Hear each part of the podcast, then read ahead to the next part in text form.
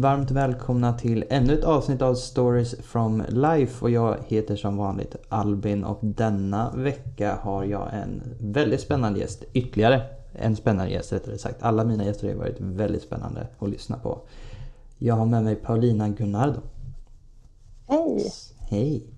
Du är ju beteendevetare och vi pratade lite innan om att det är väldigt brett vad, man är, vad, vad det egentligen innebär. Eh, och så är du ju egenföretagare. Mm. Och jag tänker egentligen att jag ska inte fördröja det här utan tell me your story. Wow! ja, Nej, men precis som du inledde med där, eh, med att du har spännande gäster, så kan jag liksom bara instämma för att alla människor tycker jag ju är spännande. Mm. Uh, och det är väl det också som har gjort att jag blivit beteendevetare, tror jag. Jag tycker människor är spännande. Och vi pratade om det också innan vi satte igång inspelningen, att, att det här att få intervjua människor, nu är det jag som sitter här och blir intervjuad och ska få prata, men, men att få lyssna till människor, det är något av det bästa som finns, mm. tycker jag. Och tycker du? Ja. Att liksom intervjua och bara få dyka in i någon annans liv och ta del av ja, men någons livsberättelse. Liksom. Alla har ju någonting att berätta liksom. Ja, mm. precis. Eh, och jag kan väl också säga så här, när du, när du sa det, vad den här podden skulle handla om, eh, så tänkte jag så här, vad fint och vad bra att göra en sån här grej. Därför att då började jag ju tänka på min berättelse, min livsberättelse, mm. min historia. Vad är den? Eh, så här, Oj, ska vi prata kanske en hel timme? Vad mycket, fast vad lite. För att, hur, hur ska man få plats med liksom allting på ett sätt? Vad ska jag välja ut? Vad ska jag berätta?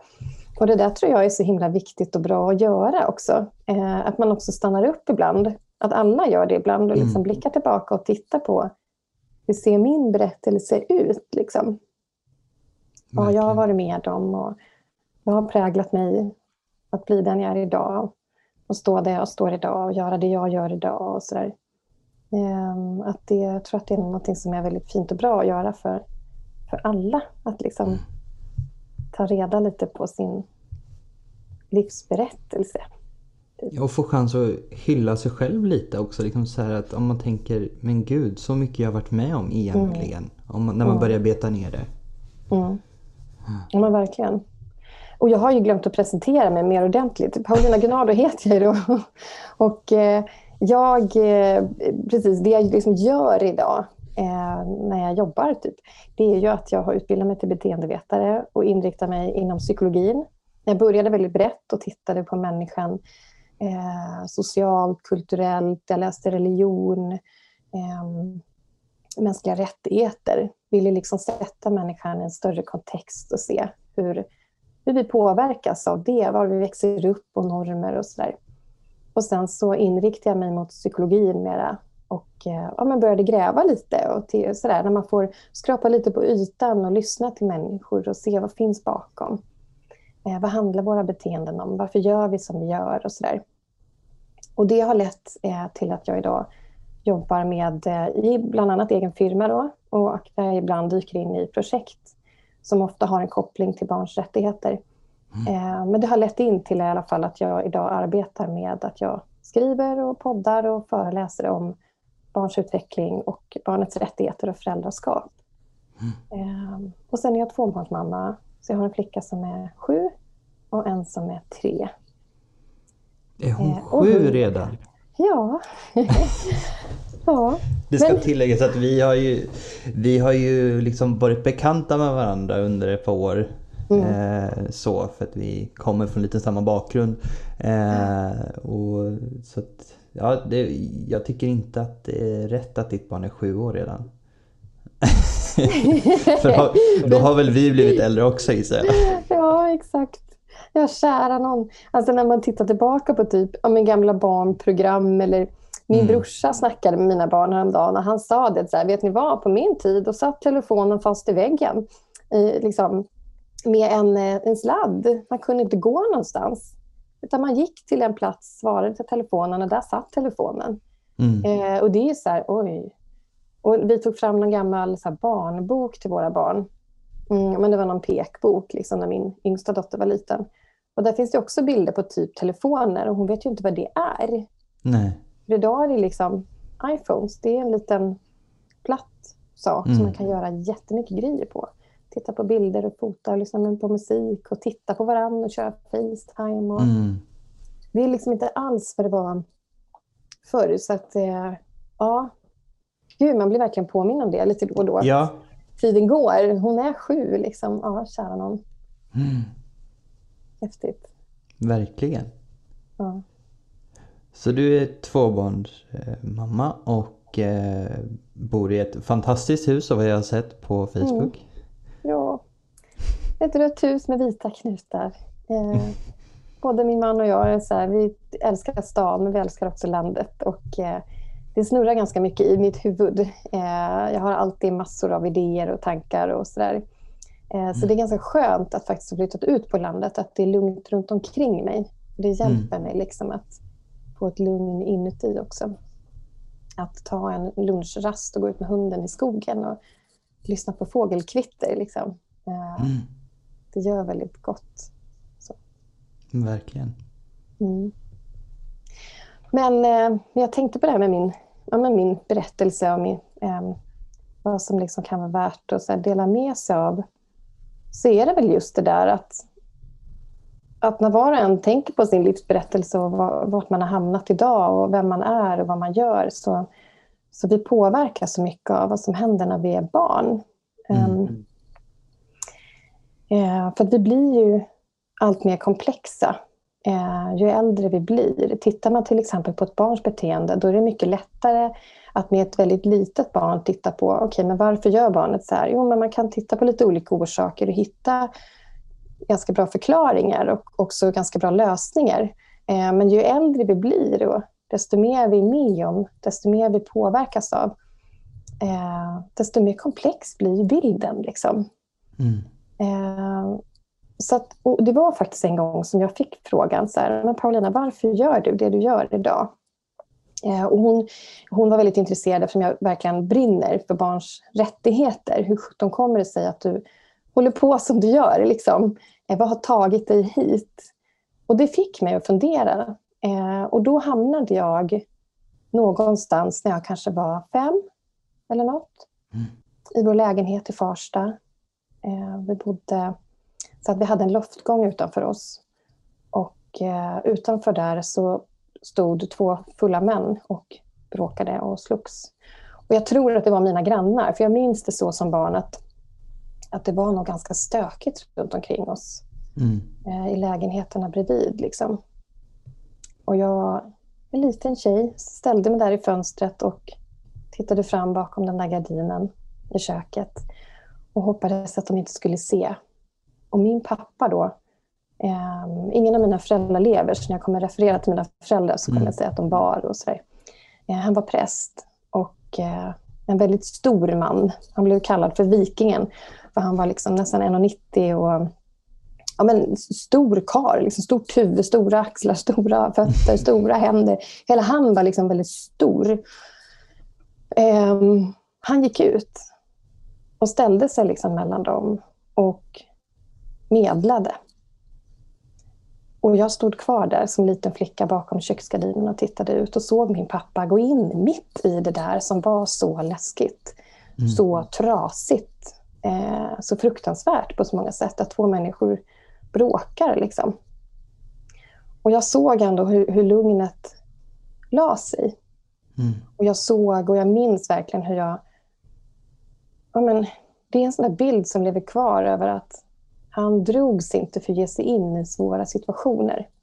Han jobbade också mycket med polisen så de kunde komma och hämta honom mitt i nätterna. Och så där, och, eh, han kanske skulle lämna dödsbud eller möta människor i kris. Eller, han drog sig liksom inte för att gå in i det som var så svårt. Mm. Och, och samma sak hände med min mamma, som inte heller lever längre, men som var sjuksköterska. Hon jobbade mycket inom akut och intensivvård. Eh, så otroligt fin människa som alltid såg människor. Och det har jag också bilder av, mycket också från den här första tiden när vi bodde där, men som barn. Liksom att vi kunde vara ute och gå som alla andra på något torg där och, Och så kunde hon se någon som låg ner på marken och var ganska ja, men äcklig. Ingen mm. människa är ju äcklig, men kläderna kan vara äckliga. Smutsen som ligger utanpå en människa kan ju vara äckliga. Så en människa är ju aldrig äcklig, men det som är utanpå oss kan faktiskt vara ganska äckligt. Och, och man ser att en människa verkligen är trasig. Och jag har sådana starka minnesbilder av hur hon går fram. Hur hon vågar ta i. Hur hon frågar, hur mår du? Och jag minns, jag har så starka minnesbilder av mm. liksom hur de där ögonen öppnas och hur två människor möts. Det är liksom inte att man bara tittar på en människa och går förbi och blickar möts. Utan att hon verkligen såg den här personen och att den såg henne. Mm. Och hur de möttes. Så att även hon har ju varit en sån person som jag som barn har stått vid sidan av och sett. Hur även hon har klivit in i väldigt svåra och trasiga situationer och, och mött men ganska trasiga människor. Liksom. Ingen av mina föräldrar har dragit sig för att göra sånt där. Och det är sådana där saker som jag tror har präglat mig också. Eh, som har gjort att jag också jag drar mig till det där. Mm. vill förstå det. Men eh, jag kan liksom uppröras enormt över så här orättvisor. Och jag tittade på eh, den här Världens barngalan igår. Eh, världens viktigaste kväll som Unicef har. Mm. Eh, och den är ju väldigt tung att ta del av, liksom. Ja. alltid. Jättetungt. Mm. Men också så otroligt hoppfullt, för det går att göra saker. Det är det som är så fint. Jag tror att det är det också jag fått med mig eh, genom min uppväxt och det är det som har tagit mig till det jag gör idag. Att, mm. att ja, på många sätt så brinner världen och människor far väldigt illa. Och man kan gå igenom perioder i livet då man inte alls mår bra. Liksom. Mm. Och så är det för, för alla, mer eller mindre. Men att det går att, det går att, bli, det, det går att göra bättre. Mm. Liksom. Ja. Man finner liksom hopp i eh, väldigt, ett väldigt tråkigt format av att det blir väldigt känslomässigt som den här galan till exempel. Eh, men som också bringar hopp om att, som du säger, det går. Vi kan mm. förändra. Mm. Det, det är helt fantastiskt. Mm. Ja, men visst är det.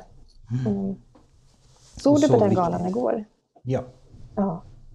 Det är du är väl engagerad i? Ja, det är jag. ja. Har blivit det ett par år nu. Ja. Jag skulle gärna vilja höra din livsberättelse också. du vi får ta och intervjua dig själv. Det. Vi pratade faktiskt om det, att jag kanske får eh, ändra om att eh, vid något avsnitt, typ så här, eh, säsongsavslutning eller sådär, får vara liksom någon intervjua mig istället. ja men faktiskt. Ja. Jättespännande. Så ni som lyssnar, gillar ni den idén? Eh, prenumerera och så här, ge väldigt mycket stjärnor för då vet jag att eh, då har jag det som mål. ja. ja. ja. Men det, du är ju då också en riktig barnrättskämpe. Eh, precis som många fler eh, märkte mm. vi bara igår. Mm. Om hur många som faktiskt eh, väljer, att ge, väljer att engagera sig för barns rättigheter. Eh, hur har din liksom du pratar om din uppväxt eh, och hur det kan ha präglat dig. Eller hur det har präglat dig. Eh, har du märkt någon skillnad från när du själv fick barn och hur du tänkte innan du fick barn?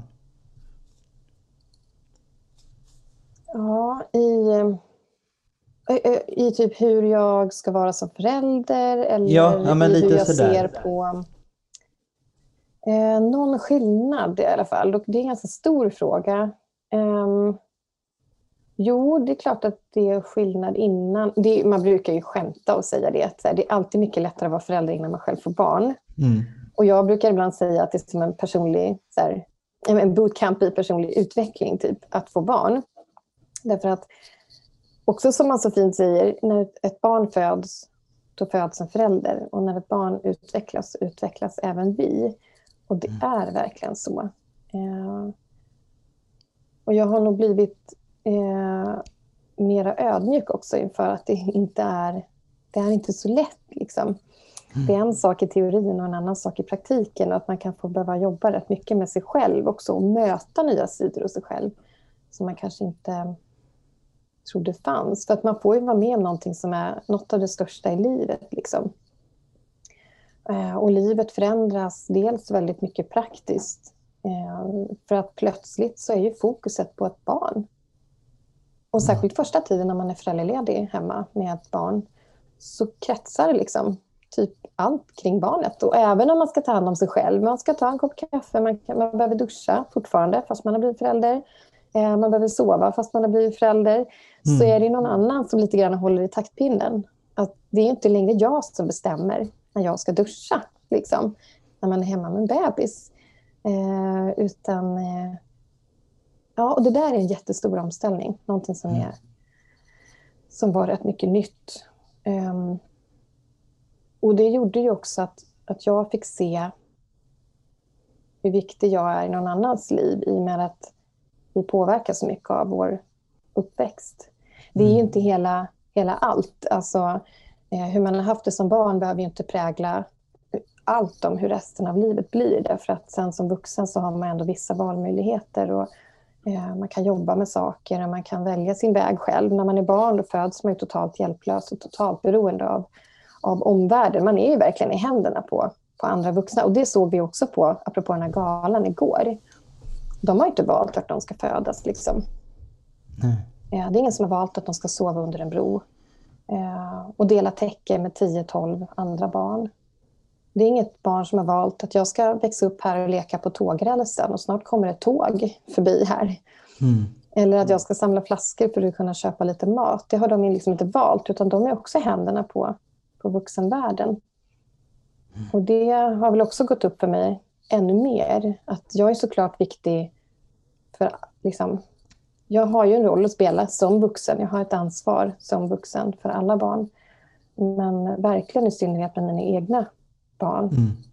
Som ju bor här med mig och som jag har ansvar för. Och, ja, det är väldigt stort att, att få vara med om och väcker också väldigt mycket starka, starka känslor. Kanske en oro som man inte hade innan, men också en jättestor kärlek mm. som jag inte kände innan. Um, väldigt mäktigt att, att få vara med om. Liksom. Och ja. Du eh, har ju bloggat en del och eh, ja, skrivit mycket om eh, barn och föräldraskap och sådär som du sa i början. Eh, och du driver ju Ditt barn och du. Mm. Precis, det, det är numera liksom mer, mer, mer av min hemsida. Mm. Eh, och sen så bloggar jag på eh, Motherhood som ligger på Allermedia mm. eh, nu för tiden. Och så poddar jag med en journalist som heter Nina Campioni som driver podden Vattnet går och podden Barnet går. Och I Barnet går är jag med som expert efter varje avsnitt och svarar på frågor. Sen har vi temapoddar och så.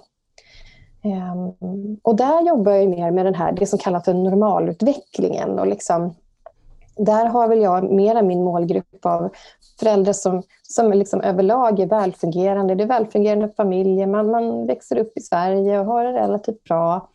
Vi ser ju stora skillnader även här inom vårt lilla land naturligtvis. Mm. Eh, I hur människor har det, hur barns uppväxtvillkor ser ut och sådär. Men, men den målgruppen jag når där, det är ju mera om en ja, men mera liksom välfungerande föräldrar. Men, men det som blir så fint och tydligt där, det är ju också att för att man ska se vad barn, eh, vad barn går miste om när de inte har det bra. Mm. Eh, det, är ju, det är ju att veta hur, hur ska det vara när det är bra.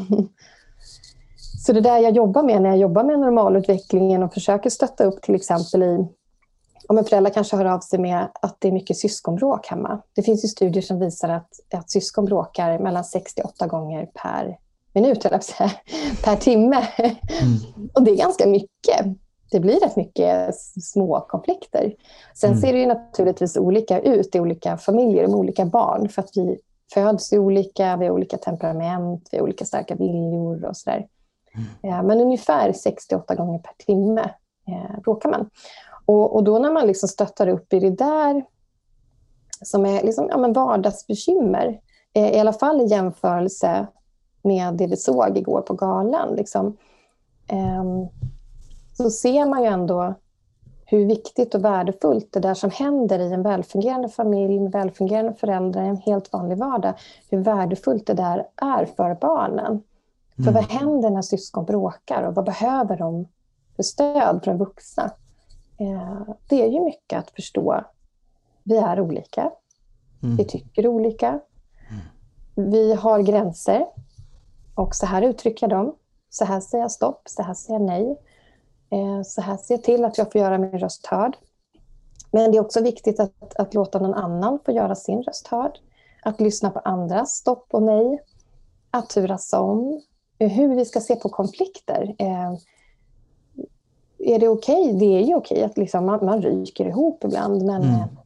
men hur löser man det på ett bra sätt? Och det som händer där, kanske 6 till 8 gånger per timme i en helt vanlig familj, det är ju sånt som lägger liksom grunden för, för resten av livet. Hur vi ser mm. på konflikter, hur vi ser på orättvisa, hur vi ser på att göra vår röst hörd. Hur vi lyssnar på våra egna gränser och andras gränser. Massor av värdefullt som finns där. Och då får man också upp ögonen för vad barn faktiskt kan gå miste om. Mm. När det inte finns stödjande vuxna runt omkring barnen. Mm. Så att jag, jag ser det liksom som att så här, barnrättsarbetet eller det här att jag brinner för, för barn och barns utveckling. Det gäller ju liksom alla, alla, alla, alla barn. Mm. Oavsett var i världen man är. Liksom. Och vilken familj man har fötts in i och, och så. Mm. mm. Det är fantastiskt och det är så viktigt det arbetet som du gör. Eh, och liksom uppmärksamma och ta upp och belysa. Alltså det är ju liksom någonting som vi, särskilt i Sverige, behöver göra är ju upplysa om olika skillnader, alltså sådär runt om i världen. Men också jobba med hur ser det faktiskt ut här och jag tror det är jätteviktigt och behövs fler som gör det. Precis som du gör. Att mm. belysa och arbeta för barnets bästa. Mm. Oavsett om det är till föräldrar eller om det är till omgivning eller ja, regering mm. eller ja, sådär. Mm. Ja men precis. Ja. ja, det är viktigt i stort och i smått. Eh, och det finns verkligen mycket att göra hemma i Sverige också ju. Eh, mm. Som du säger. Det är ju väldigt det... nyligen som vi fick barnkonventionen till lag till exempel. Mm. Precis. Och det är fantastiskt. Jag mm. hoppas verkligen att vi ser, eh, jag tror att vi kommer att se en förändring i attityderna. För blickar vi tillbaka, liksom, säg hundra år, så ser man ju att vår barnsyn har förändrats. Mm. Eh, från att vara ganska, ganska usel har ni varit historiskt. Vi har liksom sett på barndomen som en tid då man bara väntar på att bli vuxen. Och, eh, ja, till att vi idag erkänner barnet som rättighetsbärare. Liksom, och att mm den där tiden är viktig. Man är viktig stor som, som liten. Liksom. Ja, precis. Men det är också så här, på något sätt värdefullt för mig att få höra det du säger, att det jag gör är viktigt. För ibland är det lätt att glömma bort det, det man gör själv. Mm. Um, jag känner ju någonstans att det är viktigt. Det finns mycket som finns inom mig som jag vill få ut, som jag vill skriva om, som jag vill podda om, som jag vill föreläsa om. Mm. Eh, jag vill debattera om. Det är snart valår. Eh, ja, det finns mycket liksom som jag vill få ut. Ja, men precis. Och jag tror att det är... Eh, alltså när man väl brinner för något är det väldigt vanligt att man blir så här, man vill göra allt för att man verkligen, mm. verkligen brinner för det. Liksom. Mm. Men är det någonting som du känner så här, det har varit svårt, fast du gärna vill, men det har varit svårt att liksom göra någonting åt det liksom. Något så speciellt.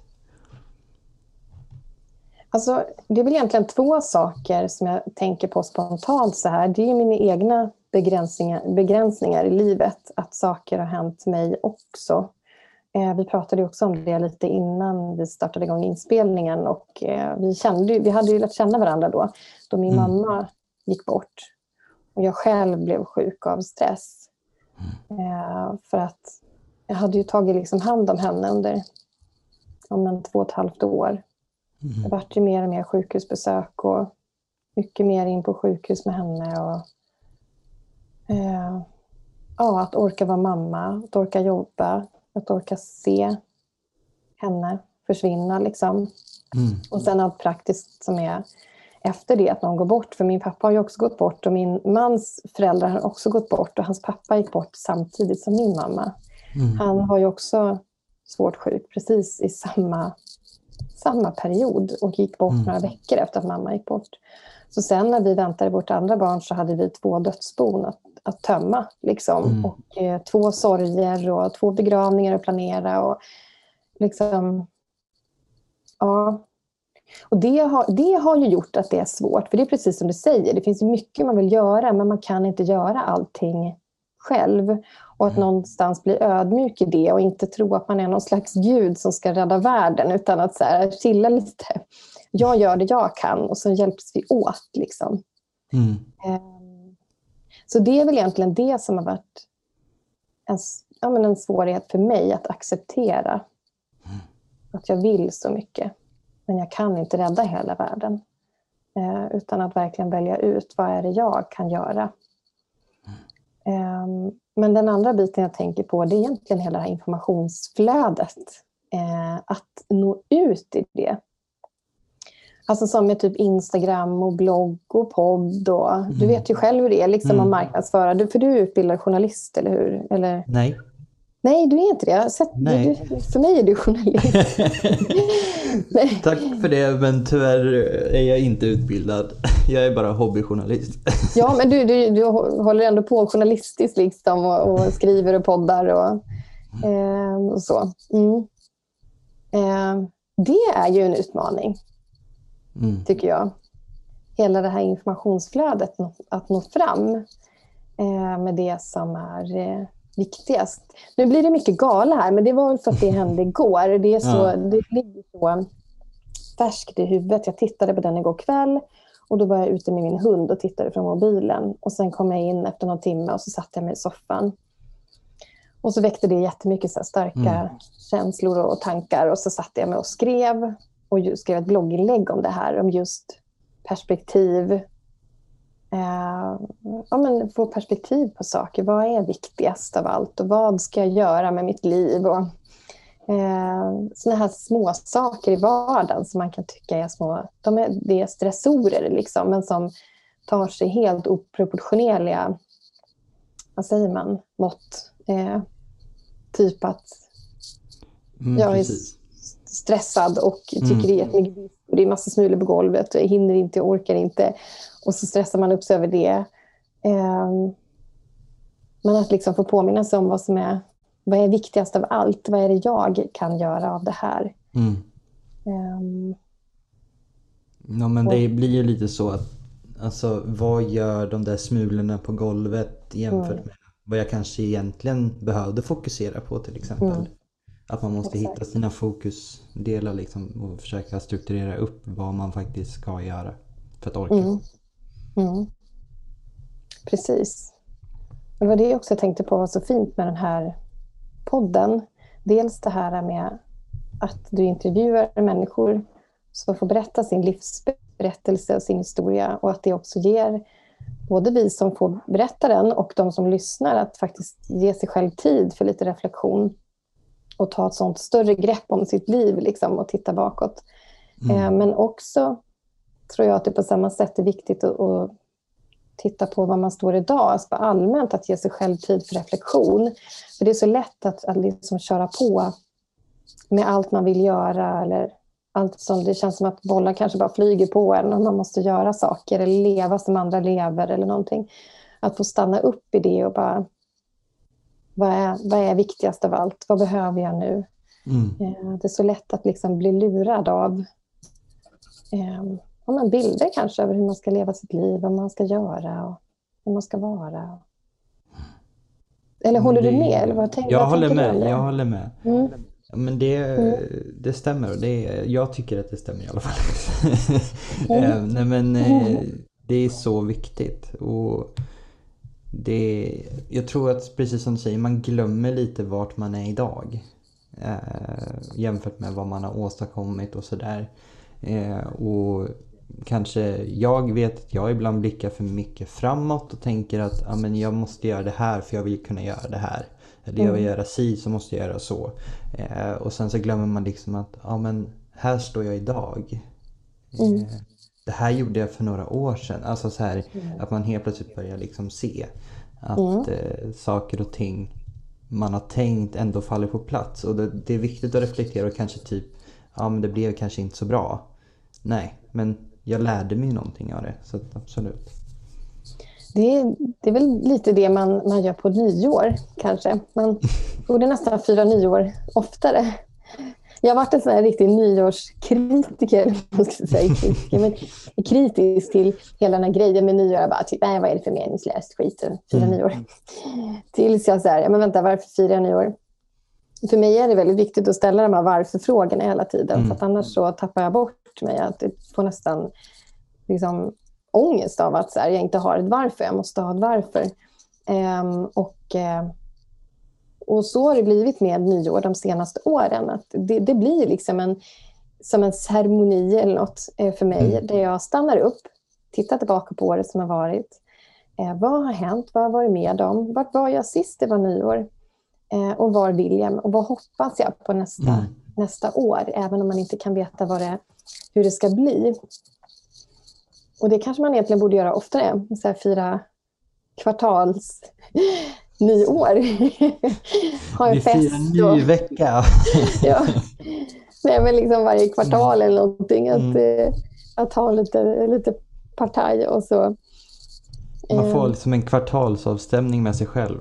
ja, eller införa dagboken på nytt. Ja. Det kanske det, du redan gör? En del skriver Nej. dagbok.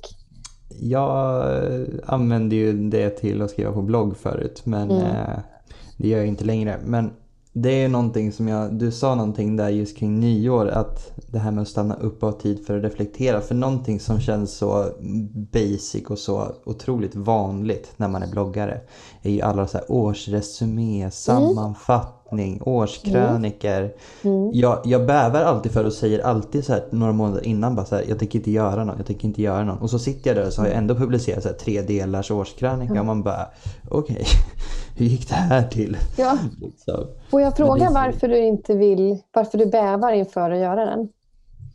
Alltså jag vet inte, jag tror mer bara att det har med att alltså så här, jag får mycket så här, shit nu är det ett nytt år, jag måste hinna göra det här mm. och det kan bli lite så här, jag vet inte, det är lite dubbelt och sen så känner jag typ också att, nej men alla gör en sån och då vill inte jag göra det. Mm. Så försöker man så här, nej men den här gången är det ett frågeformulär, i, den här gången är det en krönika eller den här gången är det bara ett så här, månad för månad sammanfattning av stora händelser typ. Mm. Men, eh, men efteråt säger jag alltid så här, gud vad skönt att jag gjorde det här. Så mm. innan bävar jag och efter tycker jag så här, gud det här var bra. För nu, då mm. har jag liksom sammanfattat och kan avsluta ett år. Liksom. Att mm. Nu är det här året slut, jag har gjort det här, nu går vi vidare. Liksom. Det är en lite fin grej med bloggningen, att man, man bloggar ju också för sin egen skull uppenbarligen. Eh, men också så här, som du sa, men alla gör det, alla håller på och skriver de där. Eh, är det liksom att det känns som att det blir meningslöst eller vad? Vad är det som är, det var negativ klang. Liksom. Vad, vad är det som är negativt med... Nu börjar jag intervjua dig här. Men... Ja, precis. Nu, nu jag är beteendevetare. Nej, men alltså för mig så var det väl mer att jag kände att okej, okay, men vad är det för speciellt med att jag gör det när typ så alla som har mycket större bloggar mm. eller större, alltså sådär, gör det. Och då blir det liksom så här, man försöker hitta nya sätt att göra det mm. men utan att liksom känna att man kopierar någon annan. Mm. Eh, och Samtidigt som att jag tycker att kopiera någon mitt sätt att skriva så skulle jag ju ta det jättebra. Men vissa tycker ju att så här, ja, men det här har du stulit, det här konceptet eller det här mm. upplägget har du stulit från mig. Mm. Liksom. Mm. Eh, men sen tycker jag också så här, en årskrönika det går inte att liksom man kan inte sno det formatet för i så fall har man gjort det i urminnes tider. Ja, men exakt. Ja. Exakt. Nej, men egentligen det är det inget lite, Nej, men det kanske finns lite prestationsångest i det eh, ändå. Mm. Eller prestationskrav som jag tror rätt många känner igen sig i. Att man ska ha lyckats och eh, man ska hunnit med saker eller göra något speciellt eller så. Särskilt i liksom den här världen där man syns hela tiden. Man ska Mm. visa upp sig och, eh, och så. Mm. Men det tycker jag är någonting som är så intressant och väldigt fint med årskrönikor, att få dyka in hos någon annan och få ta del av någon annan. För det är ju väldigt speciellt samtal det man har i Mm. sociala medier med Instagram och med bloggar och så. Ett ovanligt sätt, fast som har blivit vanligt, att prata på. Mm. Det är någonstans det det handlar om, eller så jag ser på mitt Instagramkonto i alla fall. Eh, att det är ju samtal jag har med andra. Jag berättar visserligen saker, jag berättar om mina tjänster, jag berättar vad jag Mm. gör, jag gör reklam för mina föräldragrupper som jag har online nu i och med pandemin. Och, eh, ja, alltså man, liksom, man berättar om grejer, men samtidigt är det ju det fina att jag också har samtal med folk, för att det skickas Mm. DM, det skickas frågor, eh, vi tar del av varandras vardag, man får liksom en inblick Det blir lite som en dagbok ändå liksom. Mm. Det blir ju inte det här, det här vanliga liksom, mötet som vi kanske annars har som människor när man ses med sina kroppar och Mm. sitter och tar en kaffe tillsammans eller bor i samma område eller jobbar på samma jobb. Mm. Eh, Det är väldigt speciellt det här med samtalet i sociala medier som man kan påverka så mycket. Vi kan Mm. liksom påverka vilken bild vi ger av oss själva. Jag menar, i morse hade jag skitigt hår, uppsatt en tofs och lite så här kladdig mascara under ögonen och eh, glasögon och eh, lufsade runt i ett par trasiga leggings. Sen tog jag en dusch, vet satte på Mm. mig en tröja, borstade håret. Sen la jag upp en bild. Ja, det har jag Eh. faktiskt funderat väldigt mycket på. Alltså det här, för jag vet att jag själv gör det. Alltså typ så här, hur ofta lägger man upp en bild som egentligen symboliserar verkligheten? Du är väldigt bra på att göra det på stories och i vissa av dina inlägg också. Alltså att, här, Mm, mm. att du liksom gör lite det här kontra vad man ser och vad man egentligen borde se. Alltså lite Mm, så. mm. Eh, och det är så, men jag tror att det är väl något så här, jag vet inte, det finns kanske ingen så här vetenskaplig grund till varför men jag kan tänka mig att det är liksom man vill, man vill ju visa upp någonting när man lägger upp en bild. Och då vill man ju att man ska vara riktigt nöjd med bilden och är man som jag som inte gillar mycket så här plotter då vill man kanske inte ha så plottrig bild. Liksom. Mm. Även fast det blir plottrigt på alla andra ställen för att man liksom så bara drar undan alla papper för att man vill få den här perfekta bilden på det perfekta matbordet eller alltså så. Allt blir så mycket stökigare på bild. Verkligen. av någon anledning. Men vet du, det finns faktiskt eh, en hel del psykologisk forskning på det där. Eh, nu ska vi se om jag kommer ihåg vad teorin heter. Men, eh, men, men det finns ju teorier om Mm. just det här, hur vi vill kontrollera de eh, intryck andra får av oss. Och det gör vi ju hela tiden.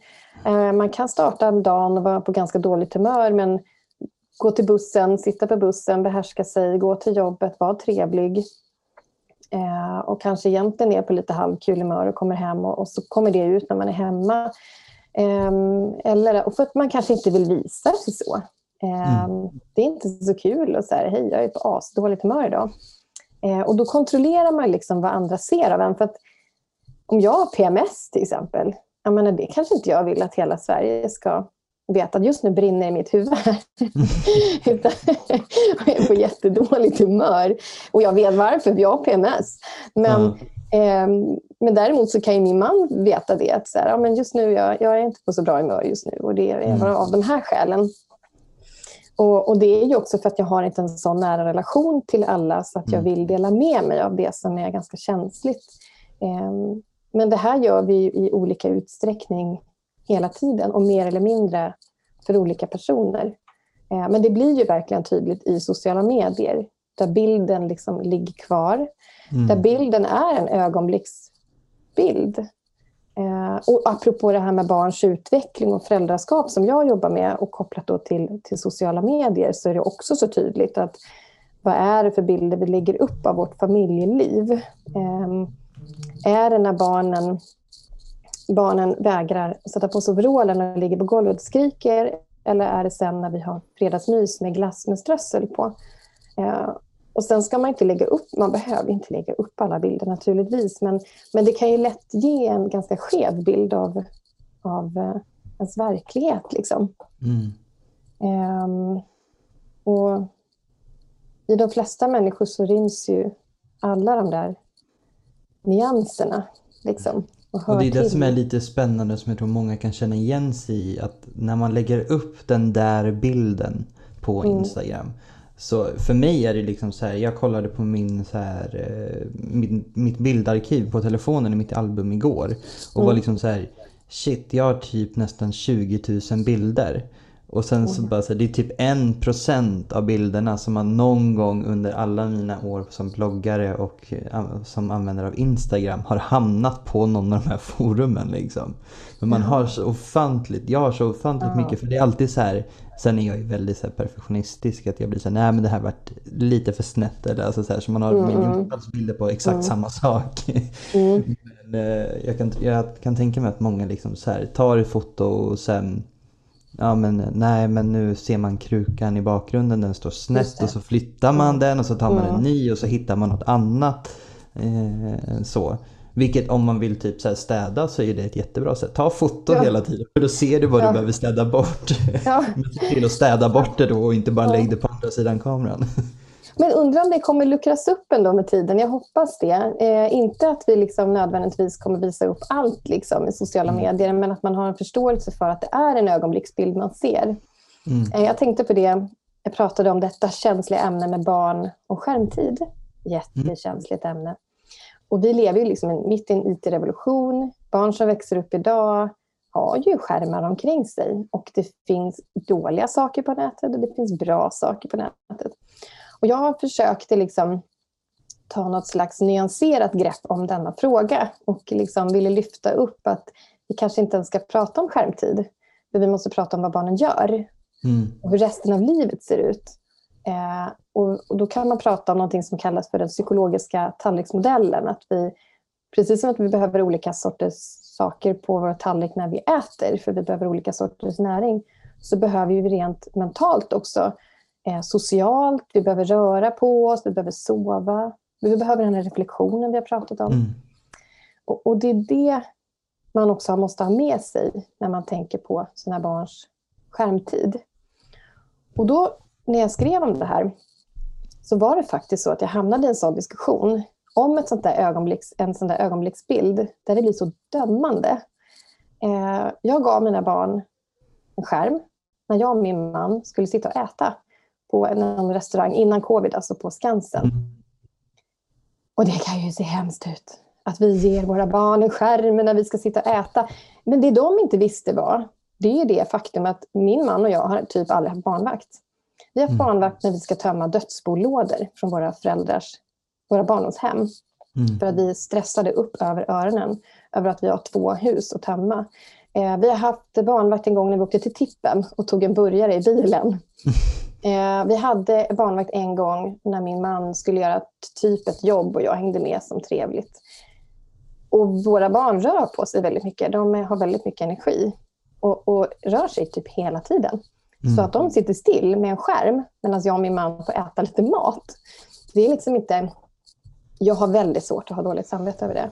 Mm. Men den ögonblicksbilden kan göra att folk dömer och mm. tror att det här är dess sanning över hela deras föräldraskap. Fast det i själva verket är en ögonblicksbild. Och det är väl också det som jag tror gör att vi, vi kontrollerar de här beteendena och mm. intrycken andra ska få av oss i sociala medier. Eh, för att vi kanske inte ja, men har det här, den här reflektionen som jag pratat om, att man stannar upp och just det, det, mm. det finns mer än det här. Men utöver att ni liksom så tillåter barnen att ha det för att ni ska få en stund där ni ska liksom kunna äta i lugn och ro, alltså så, eh, vilket jag tror många föräldrar kan känna igen sig i. Eh, mm. Begränsar du eller ni liksom hur mycket skärm de exponeras åt? Eller, eh, eller är det bara så att de inte överlag kanske är så intresserade att de gör det hela tiden? För du nämnde att de var väldigt, alltså de rör mycket på sig. Eh, de är lite olika där. Den ena springer ifrån och den andra slukas in i skärmen. Så att vi begränsar mm. absolut skärmtiden. Eh, och tänker att vi ska göra andra saker också. Men däremot så tittar jag nog mer på, eller nog mer, jag tittar mer på vad gör de med skärmarna. Mm. Min dotter har något så här, det är lite som ett dockskåpsspel typ. Eh, eller lite teaterspel. Man kan liksom, mm. Hon kan sätta in figurer och välja bakgrund. Och så kan hon röra på de här figurerna. Och så spelar hon in röster till dem och lägger på mm. det på, som olika lager. Så det blir en film, en tecknad film. Wow. Det är också skärmtid. Mm. Eh, jag har någon slags naturapp där man gör någonting inomhus först. Sen får man ett uppdrag, gå ut i skogen, fota något, ta med paddan liksom hem. Eh, det är också skärmtid. Eh, skärmtid kan också vara att de dansar. De härmar massa danser på Youtube och rör på sig. Eh, skärmtid är att hon ser en jättebra film som är så bra gjord. Eh, och som ger så mycket fint. Alltså en riktigt mm. bra film är liksom, kan ju faktiskt, tycker jag, berika ens liv. Liksom. Kultur är väldigt viktigt för vår hälsa också. Eh, så att det finns mycket bra. Så det är nog snarare så att jag tänker på den här psykologiska tallriksmodellen mm. och att jag tänker på vad, vad gör hon på, eller framförallt min äldsta då, som är sju. Vad använder hon skärmar till? Det finns väldigt mycket bra. Mm. Jag tror att alltså, när man ska försöka göra det mot, alltså att man ska försöka begränsa sånt eller tänka utifrån sitt barn så är det nog viktigt att man tänker liksom så här, okej okay, men hur mycket tid spenderar jag? Mm. Och det, jag laddade ner en app, nu går det ju att se i iPhone till exempel att, ja, hur mycket skärmtid man har haft och sådär. Men jag laddade ner en app som talade om hur mycket in the moment jag är. Det vill säga hur, hur, mång, hur, mycket, hur mycket tid jag inte lägger på telefonen. Eh, och den mäter typ, jag tror det är varje kvart eller om det är 30 minuter så får man liksom så här, nu har du varit in the moment i 30 minuter typ.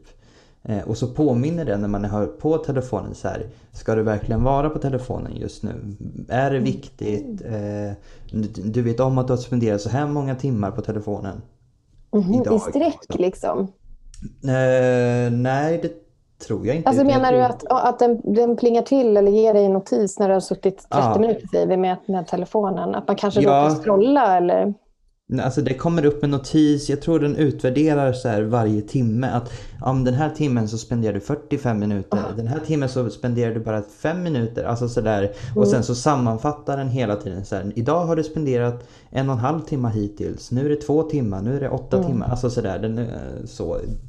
Och man får ju verkligen börja fundera då. Och jag vet på morgonen så säger den alltid att Ska du verkligen hålla på nu eller ska du inte stänga av eller låsa telefonen och påbörja din morgon? Liksom, sådär, för att man ska mm. få liksom en, en, liten kickstart. För att alla vet att det är väldigt lätt när man vaknar att man börjar kolla telefonen och sen så går mm. det en stund och så inser man att just det, jag kanske ska gå upp. I alla fall för mig. ja, nej men exakt. Och sen det jag också tänkte på var hur mycket tid man lägger av dutt, att duttkolla sin telefon när man får notiser mm. hela tiden. Eh, och hur det kan störa. Jag började stänga av notiser faktiskt på vissa. Mm. Eh, för att jag upptäckte liksom ett tag när jag jobbade som mest och hade liksom, jag arbetade mycket via telefonen. Mm. Eh, och hade liksom väldigt mycket appar och sådär. Alltså jag kunde få en mellan 700 till 900 notiser om dagen. Oj. Oj, ja. Det är ju, alltså om man räknar ut hur mycket, om, det pling, om man tar upp den liksom nästan 900 gånger per dag bara för att se oj nu fick jag en notis, ja. nu fick jag en notis. Det är väldigt mycket tid när man börjar liksom räkna ut och sammanställa. Mm. Vilket Verkligen. telefonen väldigt eh, duktigt gör ibland också, typ så mm. en gång i veckan. Fast jag kan bli lite så här, när jag får den här veckorapporten om att du har spenderat så här många timmar totalt den här veckan, i genomsnitt så här många timmar per dag. Du gick ner 18% sen förra veckan, då blir jag så här yes! Mm. Jag, jag spenderade mindre tid på telefonen. Sen så brukar det gå åt andra hållet men ibland. Så att, och då är det inte lika positivt kanske. Nej, men det där, för jag tänkte på det eftersom du också jobbar med man jobbar ju med skärmen och man jobbar med att nå ut och sådär. Eh, och jag tänkte lite på det här med att här, knyta tillbaka till liksom det barnrättsarbetet. Det, som är så, det, det, är ju fantastiskt med sociala medier och att vi kan ta del av hur det ser ut runt, runt om i världen. Mm. Eh, ibland är det jobbigt att få ta del av det för man påminns om saker men samtidigt så finns det också möjlighet att hjälpa eh, tack vare sociala medier och notiser och sms och swisha det här. Mm. Eller det, det kommer upp en notis om att ja. jag har bloggat. och så får man påminnas om hur viktigt det är att engagera sig i barnrättsfrågor. Och, Mm. eh, eller något liksom. Eh, Och det många inte vet är ju att, att engagera sig och stötta inte behöver innebära att man ger pengar utan att man bara, mm, ja men som typ, ja men från Unicef-galan till exempel. Man fotar eller man tar ett inlägg från Unicef och liksom repostar, pushar till att eh, titta på det här, det är viktigt eller alltså så. Eh, det är också ett sätt att bidra. Mm. Absolut. Och att, bidra liksom med, med barnrättsfrågor, eller i barnrättsfrågor, det handlar ju också om att vara en, en helt vanlig, viktig vuxen här hemma i Sverige också. Eh, för liksom, ja, men barn far ju illa över hela världen och även här hemma. Mm. Och det kan ju handla om, om mobbning eller sexuella trakasserier. Vi har ju haft en, en ytterligare en sån sväng med eh, en, en debattvåg, eller vad man ska kalla det för nu, senaste tiden med kvinnovåld och barns utsatthet för våld i hemmen och, och sådär. Ehm, vad skulle jag säga med det? Vad skulle jag säga med det? Jo, men det här med hur man kan bidra. Att, att det kan ju också handla om att vara en helt vanlig viktig vuxen i vardagen. Liksom.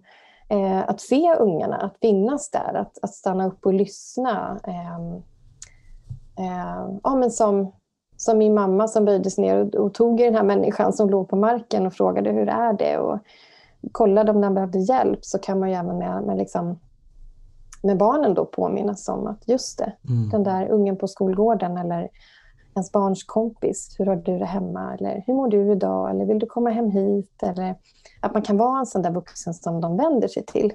Mm. Ehm, Så att absolut att det finns flera sätt att liksom engagera sig än att skänka pengar och att det kan vara att uppmärksamma frågor och tänka igenom vad man ska rösta på nu vid valet. Och, eh, och så. Verkligen. så att politikerna tar kloka beslut för våra barn. Så är det verkligen. Och det verkar ju som att det är lite utav den här veckans tips helt enkelt. Att vara en bra vuxen och en bra medmänniska. Mm. Eh, Att verkligen försöka. All, man kan inte alltid se och höra alla. Men att verkligen försöka vara den här bra medmänniskan. Ser man att det händer någonting. Istället för att gå förbi som du kanske har gjort varje dag. Men säg hej eller fråga hur det är. Även om det bara är en granne. Mm, exakt. Och även finnas där för barn liksom. Ja, och precis som att, att jag såg mina föräldrar göra saker och hur det präglade min livshistoria så kan den som lyssnar nu vara en sån viktig vuxen oavsett om man har egna barn eller inte. Eh, Att barn kommer att se dig och vuxna är förebilder oavsett om man vill eller inte, oavsett hur man är. Eh, Det barn ser, det lär de sig av. Så att det, allt handlar inte om att man sitter i skolbänken och läser hur man ska vara som människa, utan det är när man ser. Och det kan vara, när man går där på Farsta torg och går förbi en människa som ligger ner eller alltså vad som helst. Liksom. Ehm, då sådana intryck kan göra väldigt stor skillnad Mm. eh, för den nya generationen liksom, som växer upp. Och det är väldigt spännande också att du säger det. För det är ungefär samma svar fick jag när jag pratar, eh, pratade med en som bor i en av SOS barnbyar. Mhm. En, eh, ett barn och en ungdom som på sitt, utifrån sitt perspektiv säger exakt samma sak. Mm. Vilket jag tyckte var väldigt häftigt att höra. Jag hoppas att den personen kommer och vilja ställa upp i podden också.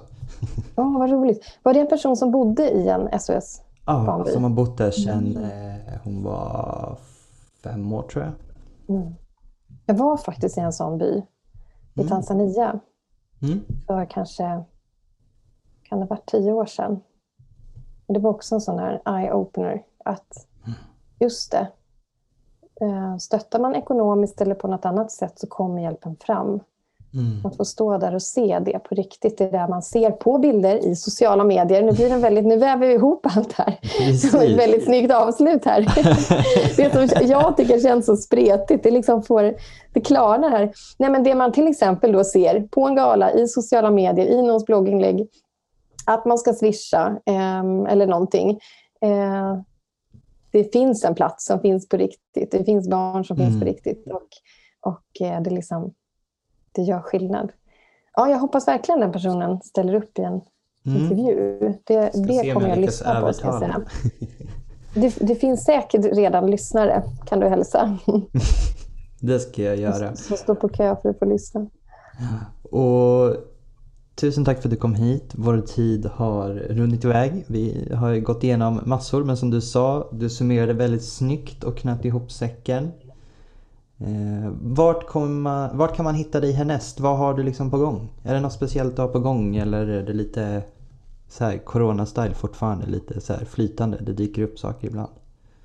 Nej, men corona-stylen är ju att jag kör föräldragrupper online eh, nu. Och att jag håller föreläsningar online. Så att jag har ju mm. föreläst om barnkonventionen och barnrättsfrågor. Och, men även om då barns utveckling och föräldraskap online. Och sen längtar jag efter tiden när man liksom får ses på riktigt också. Mm. Um, och sen hittar man mig i bloggen på motherhood.se uh, och på Instagram om man söker på Paulina Gunnardos understreck ditt barn och du så, så hittar man mig där mm. också. Det skulle vara jätteroligt om de som lyssnar kommer in och säger hej. Verkligen. Det, det, det är det trevliga med sociala medier, att man liksom verkligen mm. får, kan heja på varandra. Mm. Verkligen. Och är det så att eh, det kommer in fler spännande önskemål så kanske du ställer upp igen framöver. Om det kommer in önskemål från lyssnarna. De kanske har något speciellt ämne som du är extra kunnig i. Som jag inte kan referera till något av dina andra poddar eller så texter. För det mycket finns ju att hitta hos dig redan mm, idag. Mm. Eh, så att vi får väl se vad, vad som händer i framtiden. Eh, men som sagt, tusen tack för att du kom hit. Eh, nästa vecka så kommer jag intervjua Hannah Burton från Irland. Och jag vill också avsluta med att, att om ni har några kronor över, gå in på unicef.se, skänk en liten peng för barns rättigheter. Det är så viktigt. Och det gör skillnad. Precis.